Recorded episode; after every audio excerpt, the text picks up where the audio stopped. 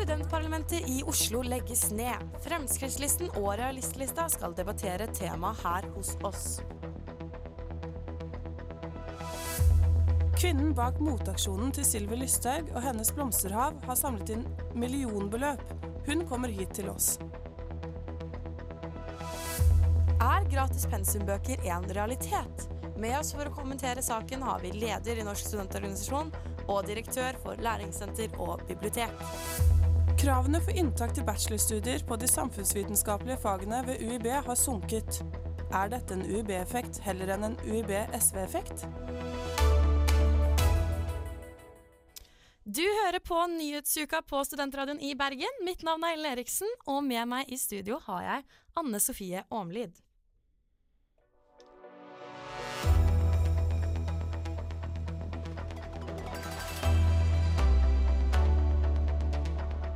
Nyhetsuka. SRIB.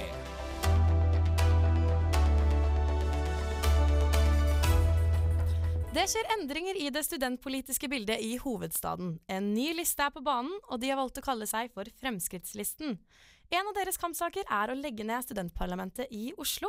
Listeleder for Realistlista, Kari Anne Andersen, og listeleder i Fremskrittslisten, Johan Nikolai Hertzberg, er begge over Skype for å debattere temaet her hos oss.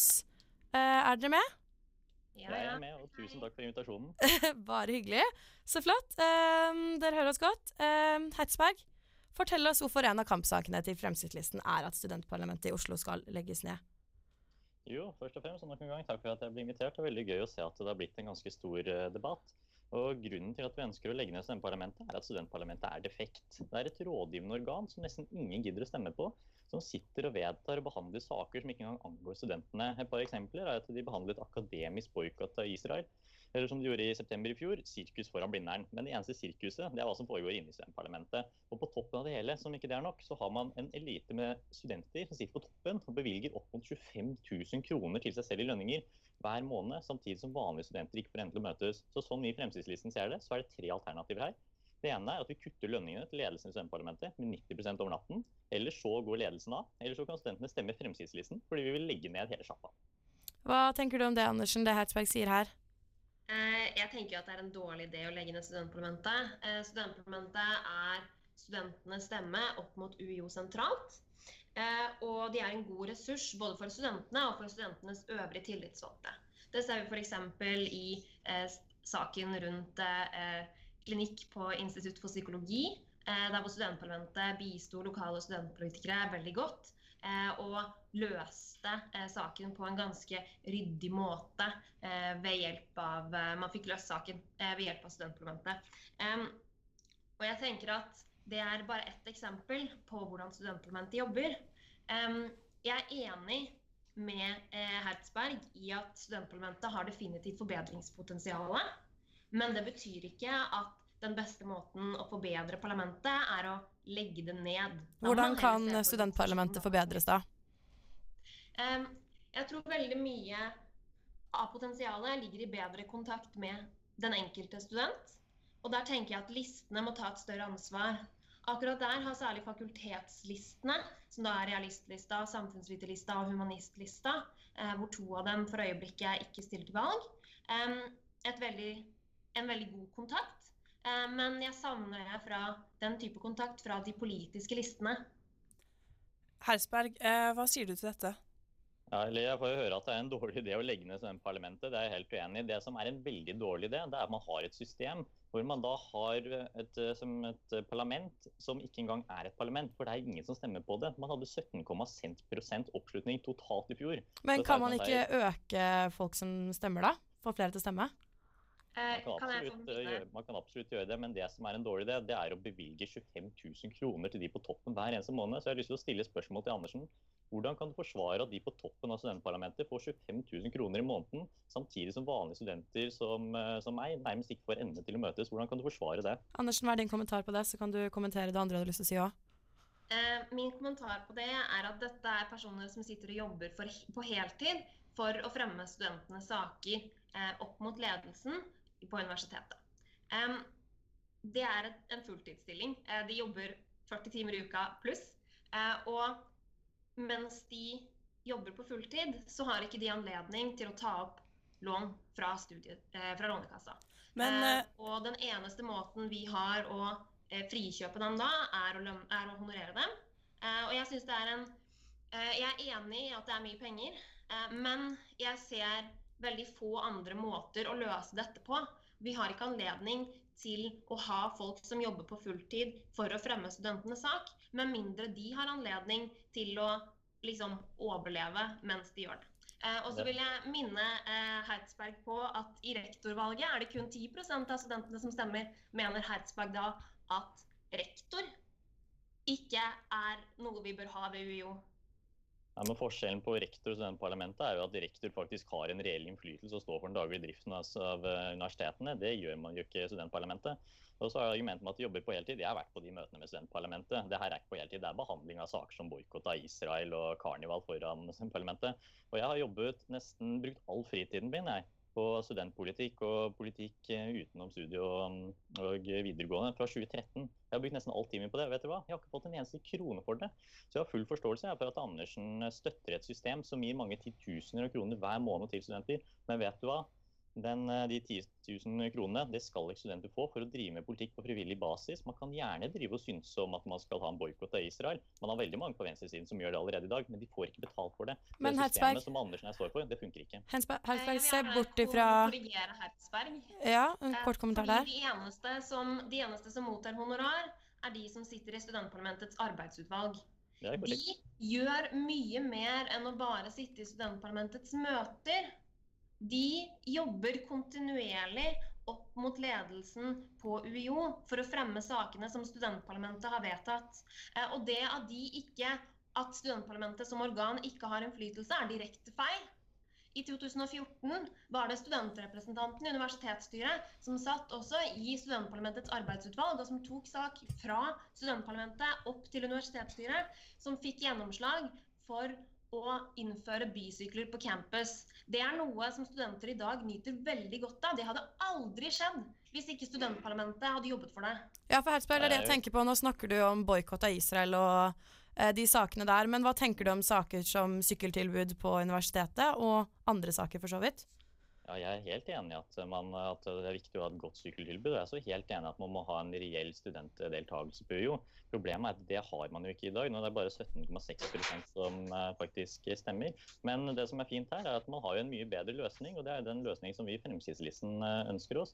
Det vi ønsker, er at hvert fakultet oppnevner studentrepresentanter som møter UiO sine fakulteter og styrer, og de studentene kan gjerne møte i direktevalg. Men forskjellen er det her, de vil ikke da få, få honorar for å gjøre den jobben her.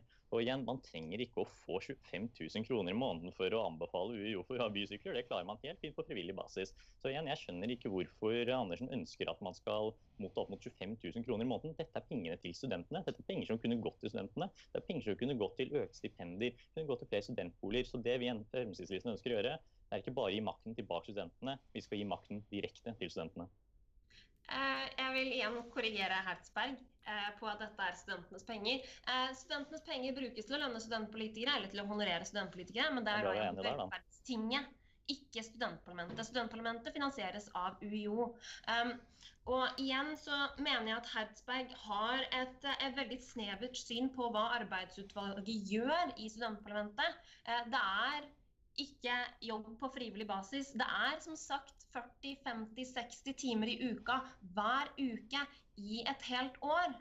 Og jeg syns at når man vier så mye tid til å kjempe studentenes sak, man har ikke anledning til å ha en biinntekt.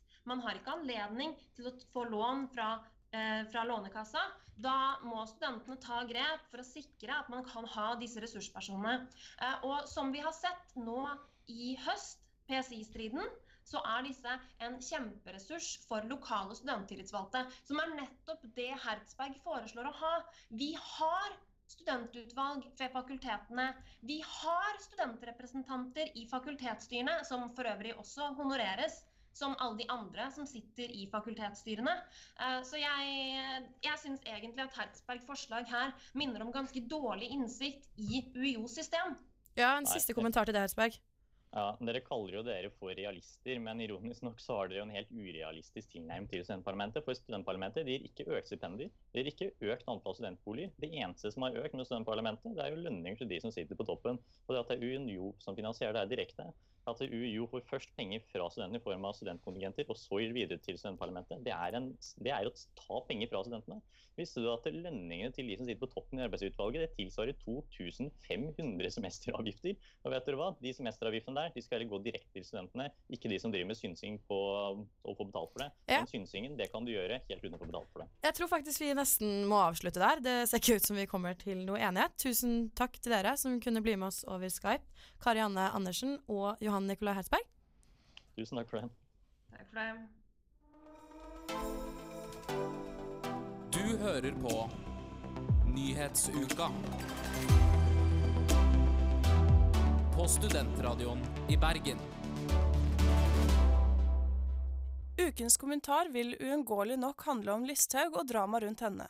Petter Hauge Korneliussen har tatt på seg oppgaven og gir oss et dykk i kaoset som har vært denne uken.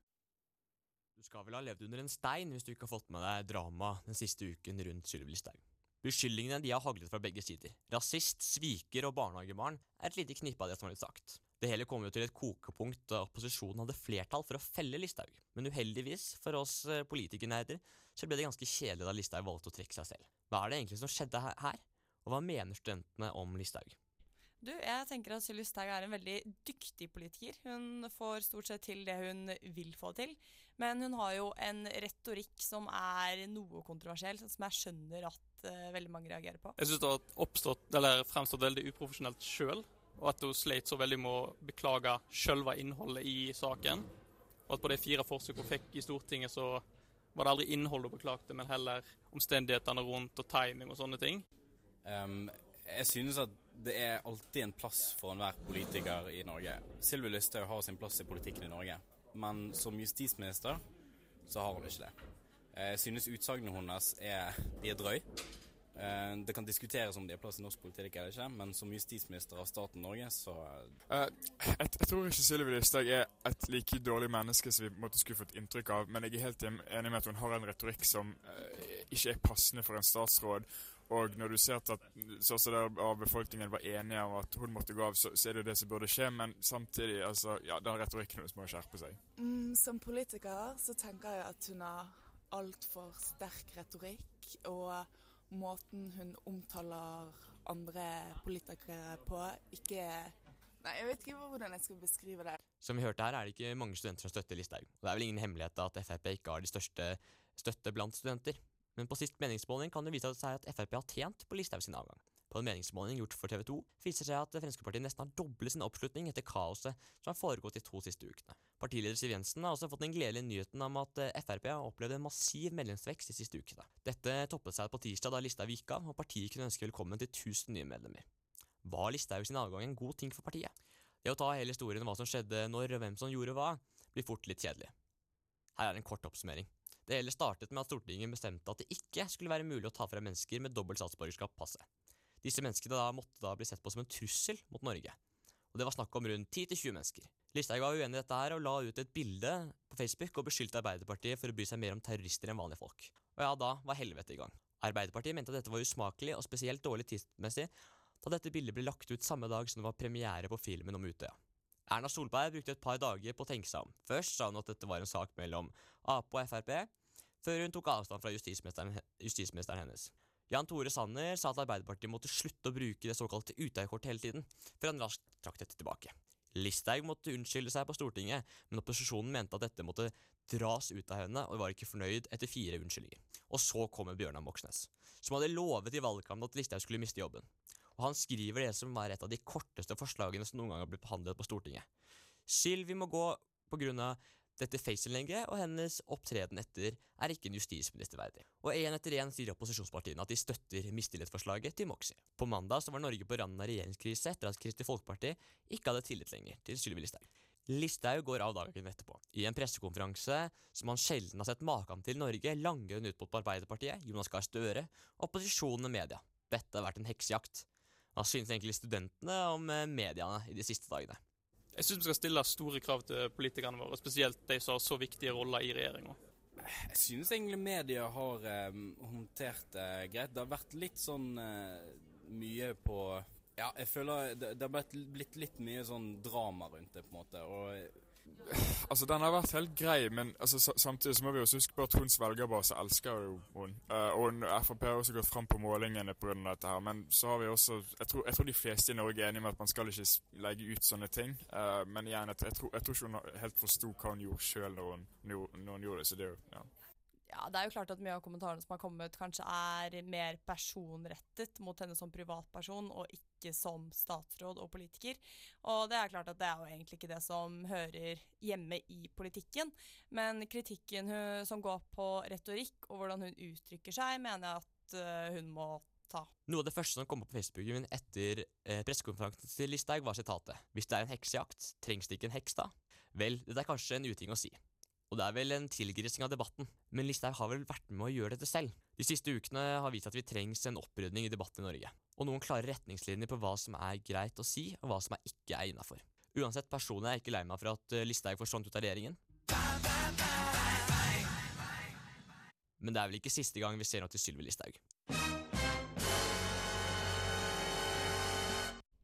Forfatter av denne ukens kommentar, det var Petter Hauge Korneliussen. Hører på Nyhetsuka. På Studentradioen i Bergen. Klokken den er nå litt over halv tolv denne fredagsformiddagen, og du hører på Nyhetsuka på Studentradioen i Bergen. Hittil i sendingen har Fremskrittslisten og Realistlista debattert hvorvidt studentparlamentet i Oslo bør legges ned. Vi har også snakket, vi har også snakket om nikab-forbud eh, som en sak på, som skal opp på Stortinget i dag. Videre i vår sending skal du få høre om gratis pensumbøker er en realitet. Du skal også få høre om undersøkelsen til Hans K. Wide, som viser at det er lavere krav blant nye studenter på SV-fakultetet i Bergen, og rektor ved Universitetet i Bergen sin kommentar på dette. Du hører fortsatt på Studentradioen i Bergen. Mitt navn er Ellen Eriksen, og med meg i studio har jeg Anne Sofie Åmlid. Du hører på Nyhetsuka.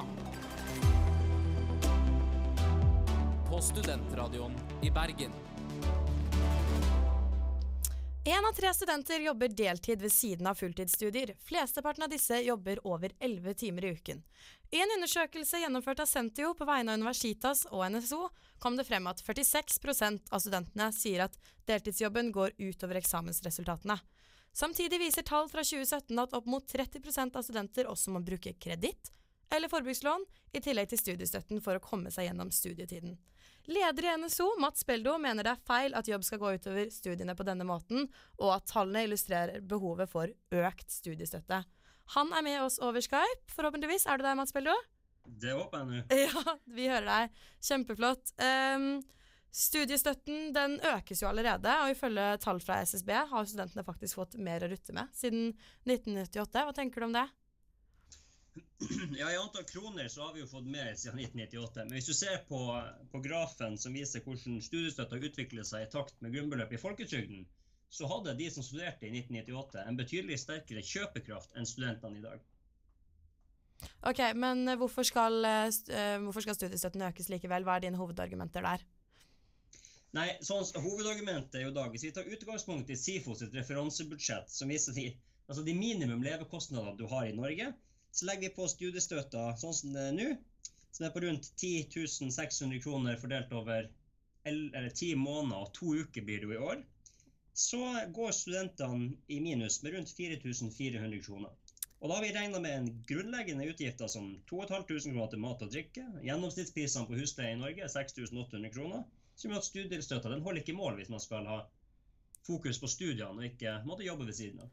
Men hva kan universitetene og høyskolene gjøre for å til tilrettelegge bedre for at studentene eh, ikke trenger å jobbe? Nei, Det er et, det er jo et sammensatt spørsmål. Altså, Universitetene og høyskolene kan jo ikke gjøre så himla mye, egentlig. Det er jo politikerne som er nødt til å gjøre det. Politikerne er nødt til å prioritere studiestøtten og realisere heltidsstudenten. Og flere partier på Stortinget har jo gått inn og programfesta at man ønsker å øke studiestøtten til 1,5 G. Altså det som tilsvarer rundt 140 000 kroner i dag. Men eh, hvordan kommer dere til å jobbe framover nå, NSO, eh, for å sikre at studiestøtten økes? Det som er veldig fint, er jo at NSO jobber aktivt opp mot de nasjonale myndighetene. Ikke bare politikerne, men også departementene som ledes.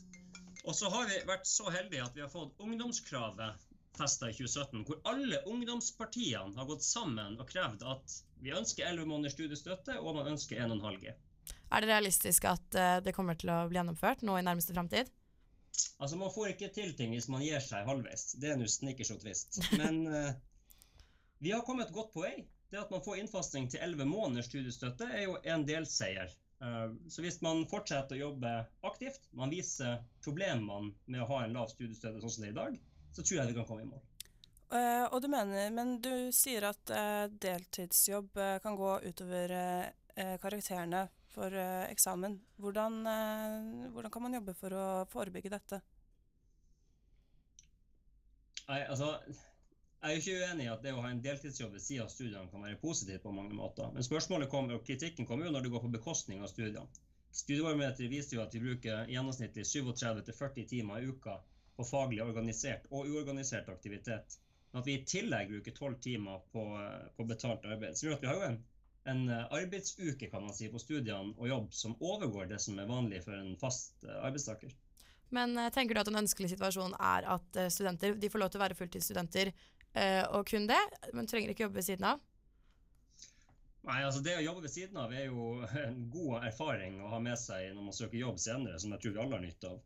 Men det å kunne styrke studiestøtten, som gjør at man ikke trenger å bekymre seg for å få økonomien til å gå rundt, og man trenger ikke å spise nudler hver 14. dag, Mm. så hadde det vært positivt. Mm. Og heller eh, kanskje melde seg inn i frivillige studentorganisasjoner eh, kontra bruke fritiden sin på deltidsjobber? Vet du hva, Det tror jeg er et, et veldig godt poeng du tar frem der. fordi at eh, Flere av arbeidsgivere sier jo i dag at de ser jo på mer enn karakterer når man ser på jobbsøknader. Så Hvis du har engasjert deg i frivillig verv ved siden av studiene, så er det utelukkende positivt. Jeg vil si at det kan være, det å melde seg inn i en frivillig organisasjon kan være tilsvarende det å ha en deltidsjobberfaring. Ja, erfaringsmessig så tror jeg absolutt det. Uh, ja, eh, jeg tror egentlig vi bare avslutter der. Du, Mats Pello, du skal bli med oss videre i neste debatt, der vi skal snakke om gratis eh, pensumbøker er en realitet. Yes.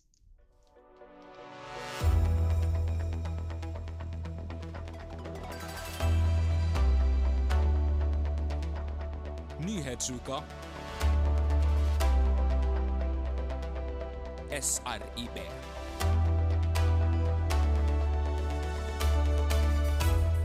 Semesteret har startet, og du har fått storstipend. Du tar turen til nærmeste bokhandel for å kjøpe pensum for årets semester, og kjenner at det svir ekstra når du ser totalsummen. Pensumbøker er dyre. Mange studenter kjenner seg igjen i dette. I dag har vi med oss Mats Beldo, leder i Norsk studentorganisasjon, og Lars Egeland, direktør for læringssenter og bibliotek, for å diskutere om gratis pensumbøker er en reell mulighet. Velkommen. Er dere med oss? Er dere med oss en gang til? Ja, jeg er med i hvert fall. Ja, jeg er her. Ja, ja flott. Eh, Beldo, hvorfor ønsker dere en gratis eh, ordning på pensumbøker for studenter? Vet du hva, Det er et, det er et godt spørsmål. Eh, Kopinor hadde et seminar nå i, i begynnelsen av, av uh, våren hvor de uh, diskuterte de gode hjelperne. Hvem er det som er de gode hjelperne for studentene? Og det er jo en, en, en sannhet om at pensum i dag er sinnssykt dyrt og varierer enormt fra studieprogram til studieprogram og semester til semester. Og Vi har jo gratisprinsippet i Norge. Men hva er gratisprinsippet? Vi har en gyllen mulighet til å faktisk få at man skal kunne fokusere på studiene sine uten å bli ruinert av dyre pensumbøker eh, ved starten av neste semester. Så hvorfor kan vi ikke utfordre den ideen? Egeland, hva tenker du om det eh, Beldo sier her? Jo, jeg er, er, veldig enig. Det er noe veldig rart med pensumboka. Eh, For det første så er det sånn Fra biblioteket så, så tenker vi at forskerne skal få alt eh, gratis. Og forskning viser for så vidt at det er mye billigere at biblioteket gir dem tilganger, enn at de skal kjøpe tilgang sjøl. Og studentene skal også få låne gratis i, i biblioteket. Og så kommer det da en student og sier at jeg vil gjerne låne den boka som læreren har sagt er den beste boka eh, for å gi meg et innføring i dette faget, og derfor er det en pensumbok. Og så sier biblioteket nei, den skal du kjøpe, men du kan få mul alt mulig andre bøker. eh, som ikke passer like godt i faget. Og Det er en pussig moralisme. Når samfunnet bruker så mye penger på en studieplass, eh, så kan det jo være det at Og pensumbøkene er bare en liten del av det. Eh, og så sliter høyskolene med at studenter eh, faller fra. Kanskje veldig lurt å si nei, vi inkluderer pensumbøkene, gratis tilgang til pensumbøker, i det som er utgiftene til å ha en studieplass. Så lykkes flere studenter. Ja, for det er jo noen studier som har dyrere pensumbøker enn andre, f.eks. i psykologi, der uh, hvis du kjøper nye bøker, så kan du ende opp i en titallssum, da. Um, er det Hva hva skal man gjøre der? Er det realistisk at man kan gjøre en endring? Bello, du kan ta og svare på det først. Ja, altså, han Lars har jo et kjempegodt poeng i, i, i, i kronikken sin i Krono. og det at Spørsmålet er ikke om det er mulig eller ikke, spørsmålet er jo hvem som skal betale for det. Og De rød-grønne gjennomførte i, i 2009 en reform som førte til at alle landets elever på videregående skole hadde gratis skolebøker. Den ble innført gradvis fra 2007 til 2009 og har fungert kjempegodt. Så løsninga er jo der ute. Det han skisserer med at biblioteket kunne kjøpt tilgang til pensumbøkene, er jo eh, eksempel, Et, et, et kjempegodt eksempel. Vi ser jo Finland, f.eks. Ved alle statlige og offentlige universiteter i Finland så har de pensumbibliotek. Altså, Man trenger ikke å kjøpe seg en pensumbok. Du kan gå til biblioteket, låne boka, og når du er ferdig med semesteret, ferdig med faget, så leverer du den tilbake. Ja, jeg vil jo gjerne at dette skal være et sprang for økt digitalisering. Ja, sånn at uh, at vi primært kjøper tilgang til digitale bøker. Eh, veldig mye enklere. Uh, og, og vi har rutinene på å kunne gjøre det. Beldo, er digitalisert pensumbøker en bedre løsning for studenter? Jeg tror at man, Studentene sier jo selv at de lærer best når man kombinerer det digitale med det analoge. Og den erfaringa har jeg altså sjøl. Altså, grunnen til at jeg tok og kjøpte meg en pensumbok og jobbet med den, var jo for at det var det vi fikk anbefalt av, av, foreleser. Men problemet kommer jo når du får en bok til tusenvis av kroner, men så er det bare tre eller fire eller fem kapitler i den boka som er relevant for det man skal uh, gjennom. Og Da er det jo mye enklere å kunne få tilgang til en digital ressurs hvor du kan kun bruke de, uh, de kapitlene. Om man vil skrive dem ut etterpå, det er en annen debatt. Men Egeland, du skriver jo din artikkel i Krono at uh, pensumbøker ikke kan bli gratis. Dine, hvorfor tenker du det? Altså, eh, eh, forlag skal, eh, skal, ha penger, altså forfatterne skal ha penger. sånn at det er et spørsmål om hvem som skal betale. og I, i teorien så er det jo sånn at studiefinansieringa, altså lån og stipend, skal dekke studentenes innkjøp av, av, pensum. Men så er alle enige om at den studiefinansieringa er for dårlig og burde økes. og en førsteøkning er jo rett og slett å si at nei, den skal i hvert fall ikke dekke pensumbøker, for det får du gratis. Mm. Så det er på en måte Det her blir en liten del av et større problem, kan man si det? En, enkel, en første enkel løsning på et, på et, eh, et problem. Og det, dette er kinderegg, fordi eh, altså det kan bidra til å lette studentenes eh, økonomi. Og det bidrar sannsynligvis til at flere får tilgang på pensumbøker og virkelig kjøper For det er jo ikke alle som kjøper pensumbøker i dag fordi de ikke har råd, eller fordi de velger å bruke pengene til noe annet. Og da er det flere studenter som får eh, bedre karakterer og ikke faller fra. God samfunnsøkonomi. Beldo, eh, som vi snakket om i sted, eh, å øke studiestøtten. Kunne det vært en tanke å da differensiert ut ifra hvor mye hvert pensum koster på hvilket studie du går? Det tror jeg er en enormt komplisert løsning på det. I all den grad at uh, universitetene og fagansvarlige fastsetter pensum sjøl. Uh, eh, nå har jo faktisk Universitetet i Bergen en spennende løsning hvor de har gått bort fra pensum i seg sjøl, men heller anbefalt litteratur. Uh, og tilsvarende kilder som kan også supplere det kunnskapsgrunnlaget du skal ha i faget. Det er også en spennende måte å gjøre det på. Men å kunne kompensere studiestøtten ut ifra den lokale pensumvariasjonen du har, det tror jeg blir uhyre komplisert. Så kanskje heller uh, sikre gratis pensumbøker og så øke studiestøtten ved siden av, da. Blir det mest reelle. Ja. Begge deler. Uh, ja. Uh, jeg tror egentlig det var det vi rakk for denne gang. Tusen takk, Mats Beller, for at du kunne være med oss i forrige debatten og denne debatten. Og Lars Eggeland, for at du kunne stille opp. Bare hyggelig.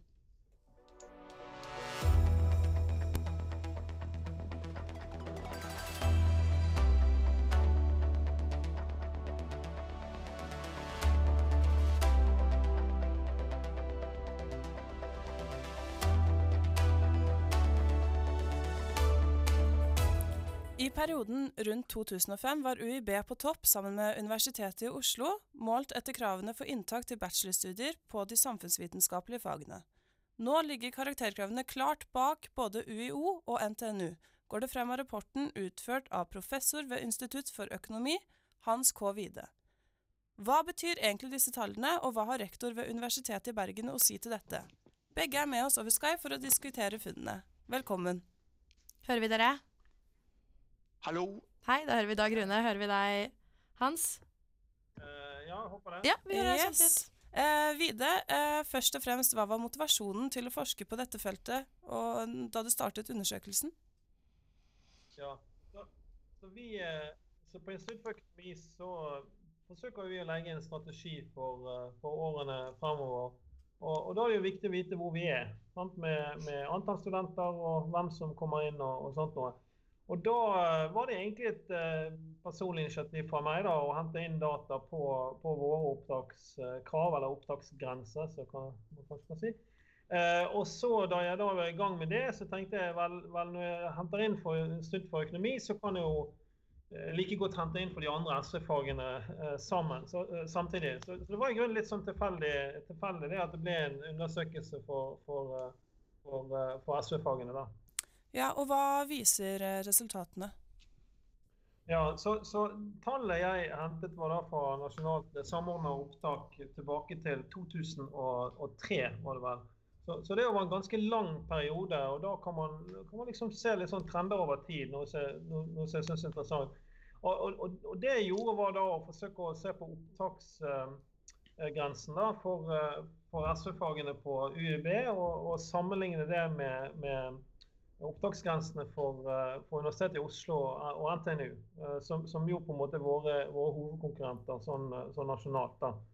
Um, og, og, og det tallet viste var at eh, hvis, vi, hvis vi da skal rangere de tre universitetene da, basert på opptaks, opptaksgrenser, om, om, om, du, du vil, om du vil det, så, så var da Universitetet i Bergen hadde da veldig like opptaksgrenser til Universitetet i Oslo i, i, i 2003 og i begynnelsen av perioden.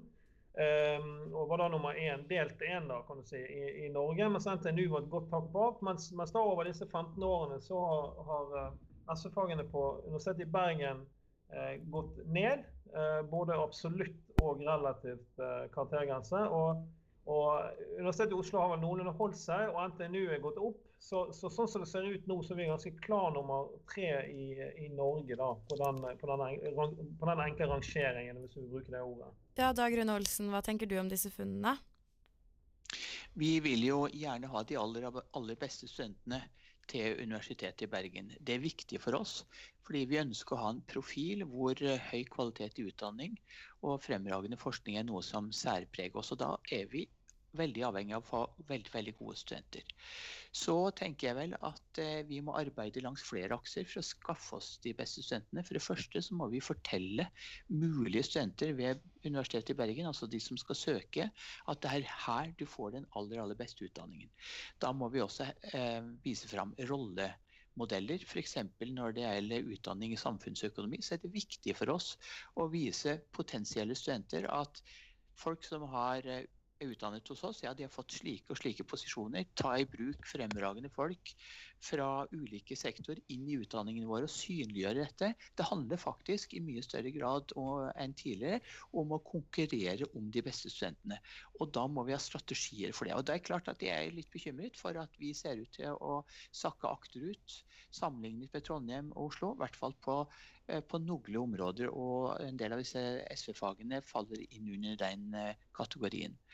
Og så har jeg lyst til å si at eh, jeg tror, uten at jeg har forsket på dette og har ikke den type si, eh, kunnskap nødvendigvis, men jeg tror at det vi ser i Trondheim, hvor eh, man har høyere inntaks, eller altså hvor karakteren til studentene som kommer inn er høyere, en litt sånn spillovereffekt av NTNU og profesjons- og sivilingeniørshegemoniet sivilingeniørs eh, eh, på mange måter. Det har med kultur, det har med nettverk og, og deres eh, merkevare i eh, utdanningssamfunnet. Jeg tror at vi har vel så gode studier å tilby innenfor økonomi og andre samfunnsvitenskap som eh, de har på Dragvoll i Trondheim. Men jeg er ikke sikker på at vi har greid å synliggjøre, og vi har ikke utnyttet merkevarebygging, som i våre dager ser ut til å være på mange måter veldig, veldig mye viktigere. Mm. Jeg ser du nikker her, Vide. Det ser ut som du er enig i mye av det Dag Rune Olsen sier. Ja, ja, ja. Jeg kan bare slutte meg helt, eh, bare slutte meg helt til de tingene. Og jeg, jeg tror også at SV-utdannelsen uh, Spesielt Institutt for økonomi, selvfølgelig, litt reklame for, uh, for det, uh, har, har, er vel så bra som i, i, i, i Trondheim. Jeg har bare lyst til å, å fange opp tråden litt det rektor sier der med på en måte NTNU-modellen. For det, det, jeg tror NTNU eh, etter sammenslåingen med, med, med NTH det, liksom, Dette med merkevarebygging det ligger liksom i DNA-en til, til, NTNU. Og det, det, jeg tror de har gjort, dette er bare en uh, hypotese, spekulasjon fra min side, det er at de, de monitorer dette med opptakskrav veldig nøye. Og de er veldig nøye med å tilpasse antall studieplasser etter på en måte etterspørselen etter studiene. Altså, de, de, ønsker, Hvis du ser på en undersøkelse jeg har gjort på grafene på NTNU, så går de bitte litt opp i karaktergrense for, for, hvert år. Eh, jeg har mistanke om at en bevisst strategi som ligger bak det. Så, og jeg tror det er en god modell. altså. Det å eh, være litt forsiktig med å øke antall studieplasser. Forsøke å tilpasse det til, til Man skal øke, altså SV-fakultetet har jo vokst enormt de siste, siste 10 årene, men, men, 15 årene. men har det kanskje vokst litt for mye? Eh, har man kanskje vært litt for ivrig med å øke antall studieplasser i forhold til den økningen i etterspørsel som det har vært? Og det har det jo vært. Uh, Dag Rune, kunne vi begrenset uh, inntaket av studenter? Det kan man gjøre, men la meg først kommentere studentopptaket på NTNU. Det er jo slik at NTNU er vel det universitetet i Norge blant de store eh, som har økt antall studenter mest de siste årene. Men med økt antall studenter så følger jo naturligvis også penger fra staten. Det betyr at du kan ansette langt flere professorer. Og hvis du ser på også økningen i antall vitenskapelig ansatte på eh, NTNU de siste årene, så er det òg det universitetet som har skutt mest fart. Eh, hvordan det jeg er på økonomi og samfunnsvitenskap, det tør jeg ikke si. Men altså institusjonen som, som sådan har hatt en veldig bevisst vekststrategi og fått vesentlig mer penger og vitenskapelige ansatte til nettopp det. Så eh, til spørsmålet ditt om vi kan begrense antall studenter. Ja, vi kan, eh, vi kan ta opp færre. Og da vil vi få eh, i gjennomsnitt også studenter med høyere karakter. Det kan lede til at flere gjennomfører, og det betyr at altså, vi får mindre frafall. Og det er bra for butikken, da, hvis man skal tenke sånn. Men det er jo fortsatt slik at uh, vi vil, selv om vi kan få flere gjennom og få flere som avslutter grader som, som gir oss uh, større inntjening relativt sett, så vil nok uh, kanskje absolutt sett gå ned i, i, finansiering til instituttet. Så, men Hans Wide og hans kolleger som solide økonomer og kan modeller, kan regne ut dette til eh, omtrent minste detalj. Så det er full tillit til at vi får eh, tydelig råd og beskjed om. Det er Nikke vide, og med det så må vi nesten avslutte den praten her. Tusen takk for at dere kunne begge være med oss, rektor ved Universitetet i Bergen, Dag Rune Olsen, og professor ved Institutt for økonomi, Hans K. Vide. Du hører på Nyhetsuka. På Studentradioen i Bergen. Og med det så var denne ukens utgave av Nyhetsuka på Studentradioen i Bergen over. Dersom du ikke fikk med deg sendingen i sin helhet, kan du laste den ned på srib.no slash nyhetsuka eller på iTunes. Tusen takk til alle dagens gjester og til vår produsent Maria Svedal. Ansvarlig for denne sendingen var Ruth Marie Skuldbrød. Mitt navn det er Ellen Eriksen, og med meg i studio i dag har jeg hatt Anne Sofie Omlid. Da gjenstår det bare å ønske våre lyttere en god helg og en riktig god påske. Du har nettopp hørt en sending av Nyhetsuka. Podkast finner du på iTunes eller srib.no.